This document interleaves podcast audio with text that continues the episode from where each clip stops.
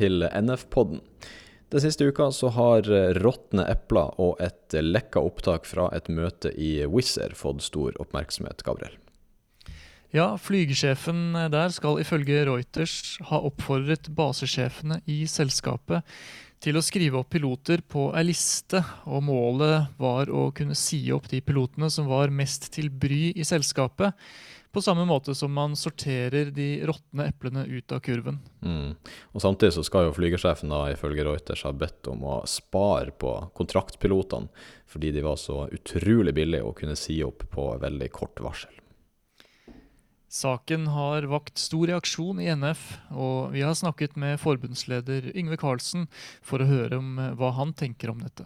Runway 80, we are cleared for takeoff. Cleared for takeoff. Forbundsleder Yngve Karlsen, velkommen tilbake. Jo, tusen takk. Ja, jeg lurer på aller først, Hva er det de sier i dette lydklippet? Nei, dette er jo uh, så grovt, uh, egentlig. Og det snakkes jo om råtne epler, da. Det er en nedbemanningsprosess der uh, liksom krisen rammer det inn, da. Behovet for å identifisere 250 overtallige piloter.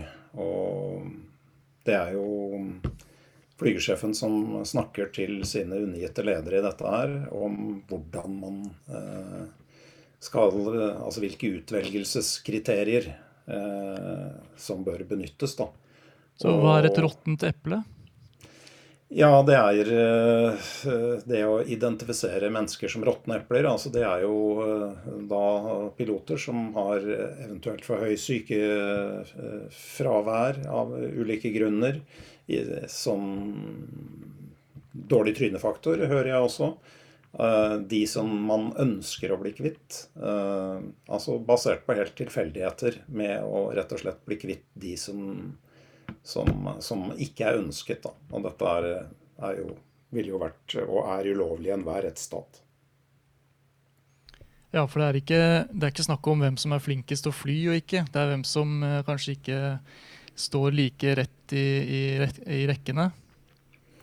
Ja, det brukes jo ganske maleriske uttrykk her, da. Altså på engelsk alle de som er pain in the ass, og, og som det sies her. Altså, og som gjør livet uh, for deg som leder miserable, mm. sies det vel også. Så, så, det er jo et trynefaktor og rett og slett de man ikke ønsker, da. Og dette er jo ulovlig, altså ikke bare litt ulovlig, men det ville jo blitt dømt nord og ned i enhver rett. Ja, for hva er det som er altså, Hva er ulovlig med det, for å spørre om det, da? Nei, altså Det er jo ikke ulovlig å nedbemanne. og Det er jo klart det at uh, covid-19 har jo ført til behov for uh, altså både permitteringer og oppsigelser i uh, veldig mange flyselskaper. Dette er jo den største krisen siden noen gang for luftfarten. Men der er det i arbeidsmiljøloven, altså i alle lover som regulerer dette i eh, Europa, så er jo dette med utvelgelseskriteriet, da, ikke sant. Og det er jo at uh, det er verneregler der sånn som gjør at dette her er helt klart ulo ulovlig. Mm. Hvordan uh, reagerte du når du hørte det her klippet? Nei, jeg reagerer jo kraftig. Jeg tenker hva er dette mulig? Ikke sant? Det, jeg blir forbanna. Eh, det kreves jo oppvask, ikke sant. Dette, dette utfordrer jo alt vi har og alt vi er i Norge. Så jeg blir rett og slett forbanna. Mm. Men kanskje ikke like overrasket, eller? Jeg må jo grunnen si at altså det der at uh, enkeltselskap, uh, helt uavhengig av bransje, utnytter en krise, det er vel ikke ukjent. Men altså på denne måten at man liksom Der er behov for, i hvert fall i en periode, å, og, og si opp eller permittere noen ansatte, bruker sånne metoder, det er jo svært grovt. Eh, det er jo ikke første gangen at, eh, at Wizz Air har eh, kvittet seg med ansatte.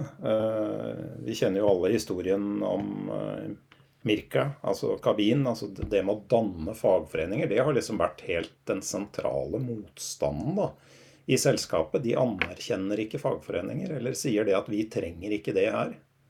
Mm. Og, og, de som har forsøkt å organisere seg, de har jo da blitt oppsagt. Her tapte jo selskapet i Høyesterett denne saken, og, og, og Mirka fikk tilbake jobben. men blir jo frosset ut. Eh, og, og, det er jo mye av dette som er problemet. da, Det er jo hensikten, og en del av hensikten med å være organisert og ha tariffavtaler. For det første, hvis man blir utsatt for en sånn prosess som dette, så står du jo som enkeltindivid helt alene. Altså, du skal jo kjempe i retten for, altså, hvor du da må hevde at dette er en uh, usaklig uh, oppsigelse. Og kostnadene forbundet med det, det er jo ofte vanskelig å bære for enkeltindividet. Og det er jo da eh, fagforeningen din vil stå bak deg og dekke de kostnadene. Og dette er jo en, en sånn utvelgelsesmetode vil jo eh, et selskap helt klart tapt i retten. Mm. Så sier jo eh, Wizz sier jo utad i media at de, de, ansatte står fritt til å organisere seg, men de er en, et, et, selskap uten fagforeninger. Hvordan, eh, hvordan tolker du det? Ja, de, de, må jo nesten si det. Altså, Retten til å organisere seg er grunnleggende. Det er nedfelt i menneskerettighetene. Så det ville jo vært helt oppsiktsvekkende å ikke anerkjenne det, men samtidig med den historikken som vi har sett i de ulike gruppene som har forsøkt da å danne en fagforening og organisere seg, ja, da taler vel det for seg selv.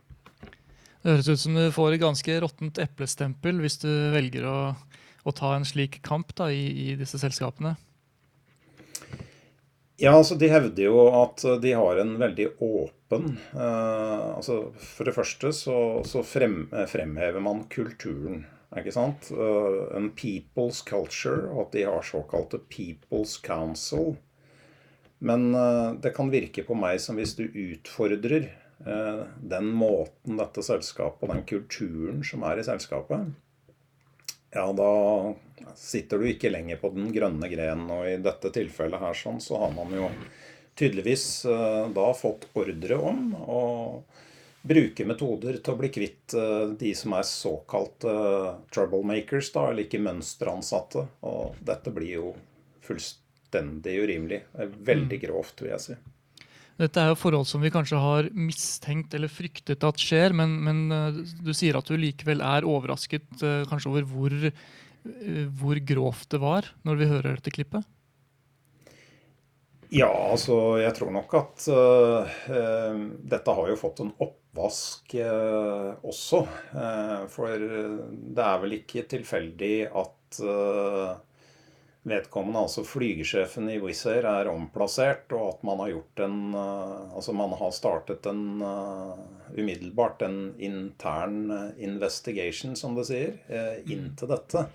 Men jeg tror jo på ingen måte at flygesjefen har suget dette fra eget bryst. Når du hører dette lydklippet, så sier han jo også at he has orders, altså han har fått ordre om. Og det betyr jo det at her er det noen over hans hode som mener at her skal man benytte muligheten til å bli kvitt eh, navngitte ansatte som tydeligvis ikke passer inn. Mm. Denne saken, føler du at den gir et ekstra insentiv til norske politikere for kanskje å ta i et ekstra tak for å sikre at det er anstendige aktører som får eh, operere her? Ja, det blir jo helt vesentlig. For at hele modellen, da, det er den delen av luftfarten som nettopp ikke ser verdien av et organisert arbeidsliv, og er dermed såkalt eh, ja, fagforeningsfrie selskaper, ja, de må strammes opp.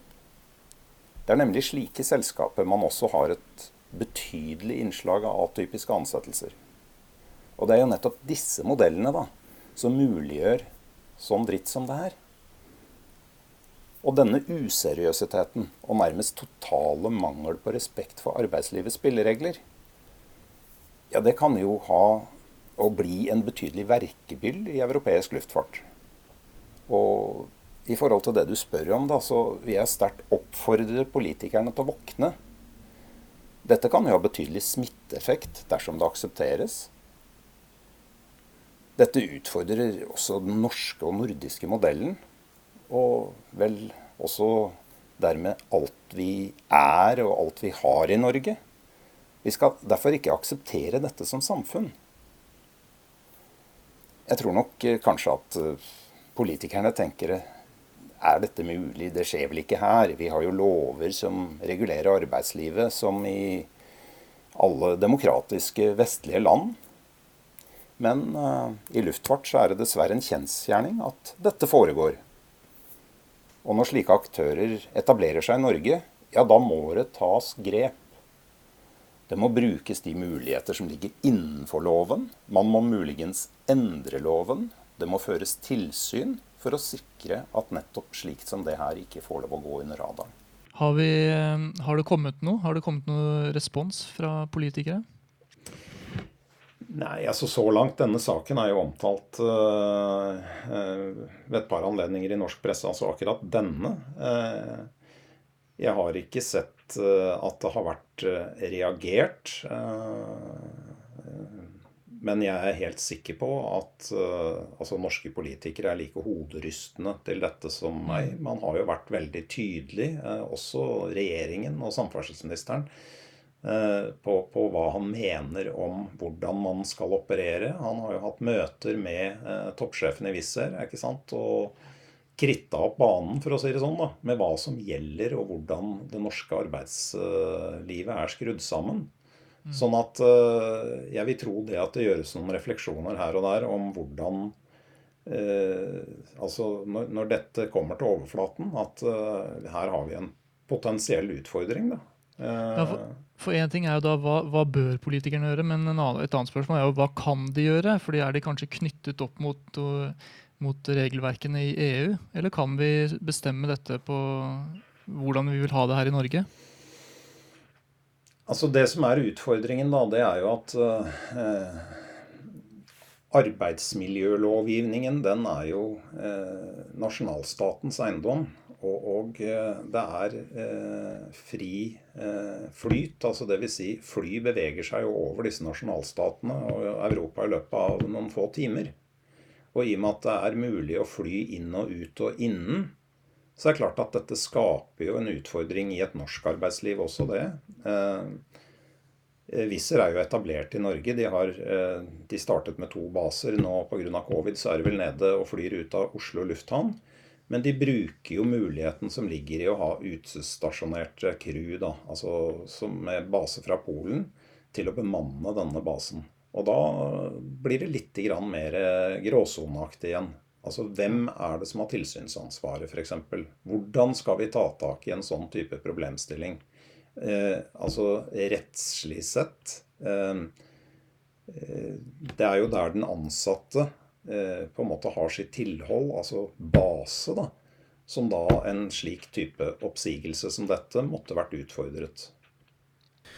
Eh, de her overtallige eplene, hvem var de, og så vet man jo om hvor de ble plukka ut henne? Nei, altså det, det, jeg mener at vil være interessant eh, oppfølging for eh, media. Dette er jo omtalt i Reuters og, og i et par eh, norske medier også. Og spørre spørsmålet til selskapet, da. Eh, hvordan ble det faktisk gjort? For de har jo reagert. Altså med å omplassere flygersjefen, som hadde dette såkalte eh, hemmelige møtet. Og alle, jeg vil anta disse unngitte lederne som deltok i møtet, de har jo også mistet sin lederposisjon og er ført tilbake til 100% aktiv altså flygende tjeneste. Så, så, jeg vet ikke, men det er jo det interessante spørsmålet. Ble det mm. brukt de eh, kriteriene som, eh, som, her ble listet opp? Altså de som eh, nødvendigvis ikke var de sterkeste, de som altså trynefaktorkategorien kanskje hadde sykefravær som var høyere enn andre osv. Så sånn. Altså, men det, som du sa i stad, dette her er jo helt utvilsomt ulovlig. Føler du at, at de sitter i saksa? Altså, får det store konsekvenser etter hvert? Altså Omdømmemessig så er jo dette en katastrofe. Eh, det som er utfordringen, det er det at vi står midt i en pandemi. Altså Det er jo bare dårlige nyheter om dagen. ikke sant? Slik at uh, det er blitt en sånn slags uh, krisetrøtthet. Det er klart at dette er jo i en normalsituasjon. dette er liksom bomben som sprang, da. Mm. Utfordringen er jo at denne overtalligheten, i og med at man ikke har et organisert selskap, altså dvs. Si at de ansatte er enkeltindivider, så de 100 da, som ble plukket ut på denne måten, de skal jo utfordre lovligheten av en sånn form for oppsigelse. Det kan jo ha vært eh, f.eks. den eldste i selskapet som kanskje hadde tre måneder igjen til pensjon. I den grad man har pensjon, ikke sant, i avtalen. Mm. Eh, og, og, da står du helt alene, da. Du skal kanskje drive denne saken gjennom tre rettsrunder. Eh, du står jo mot en motpart som nærmest har ubegrensede ressurser. Og som enkeltindivid kan det være økonomisk umulig. Og det å føre en sånn sak mot en tidligere arbeidsgiver, det kan ofte være, skape noen utfordringer i forhold til å få seg jobb igjen osv. Så, videre, sånn. så det er jo eh, kampen mot Goliat, da. Og det er jo derfor at eh, det å være fagorganisert blir så viktig. For da er det jo noen, veldig mange som står skulder ved skulder med deg, og at man har de økonomiske ressursene til å kunne kjempe mot en slik urett.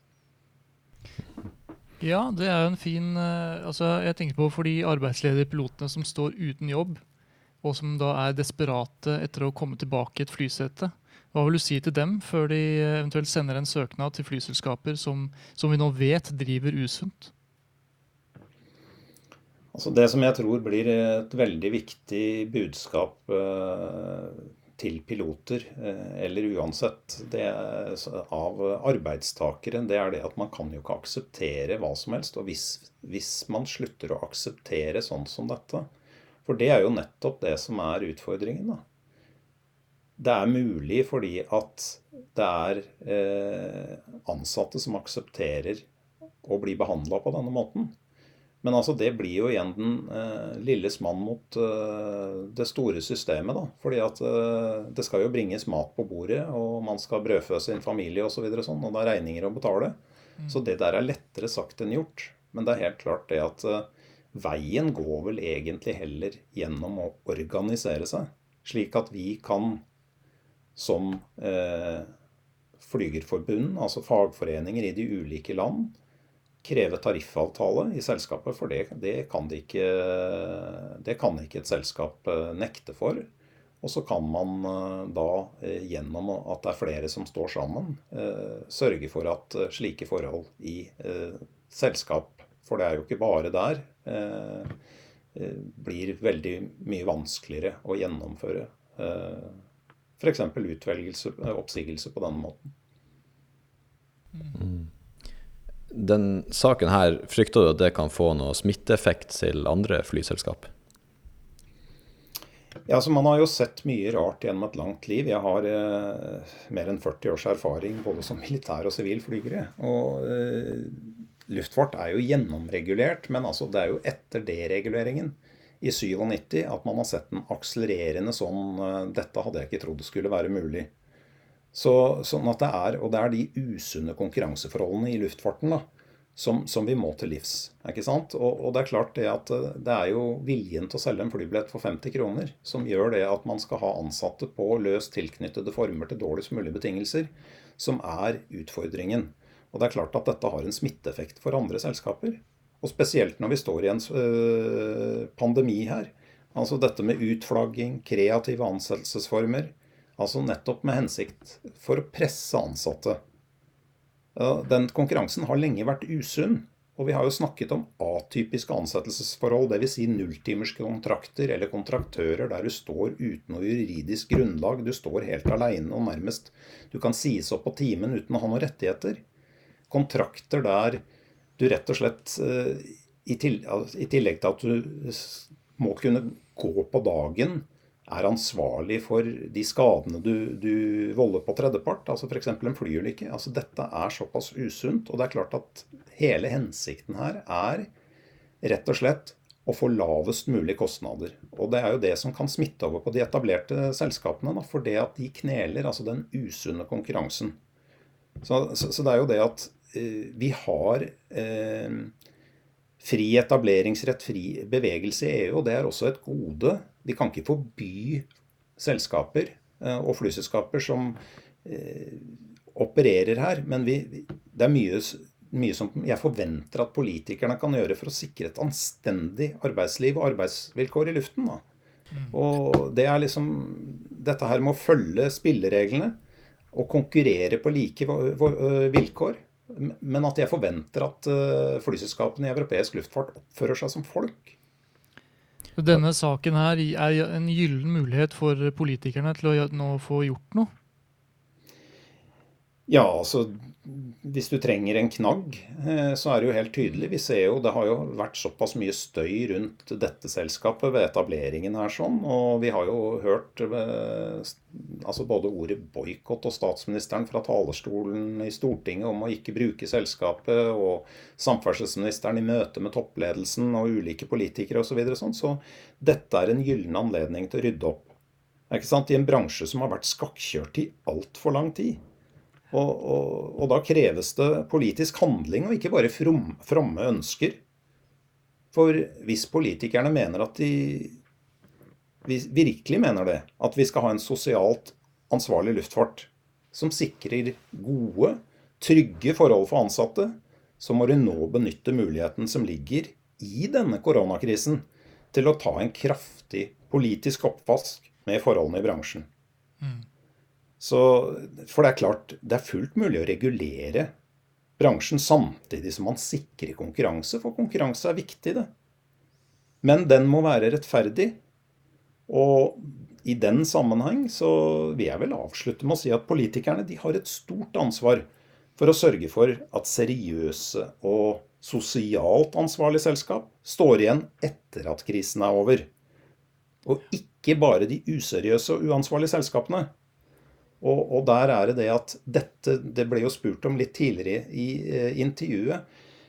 Kan ikke bare løses nasjonalt, det må løses internasjonalt. Og Derfor så forventer jeg at norske myndigheter snarest finner sammen med andre land. For det er den måten man kan håndtere dette på. Attention, please. Ja, Politisk oppvask, Simen. Hva tror du om det? Jo, jeg tror vel egentlig at det trengs, høres det vel ut som. Vi får jo håpe at den anledninga blir brukt. da. Det setter jo lys på veldig mye av det som er galt med den bransjen. Ja, det er klart vi skal ha en luftfart også etter krisen. Og det må jo bestå av selskaper som har sunn konkurranse og, og like vilkår. Mm. Denne uh, saken bør få noen uh, følger. Vi får jo håpe at det blir tatt uh, seriøst. Og som Yngve sier, så virker det vel som at eh, arbeidshanskene må på for politikerne nå. Ja. Det var alt for denne gang. Har du innspill til sak eller noe du ønsker å høre om i podkasten, så kan du sende oss en e-post på podcast at flyger.no. Vi høres.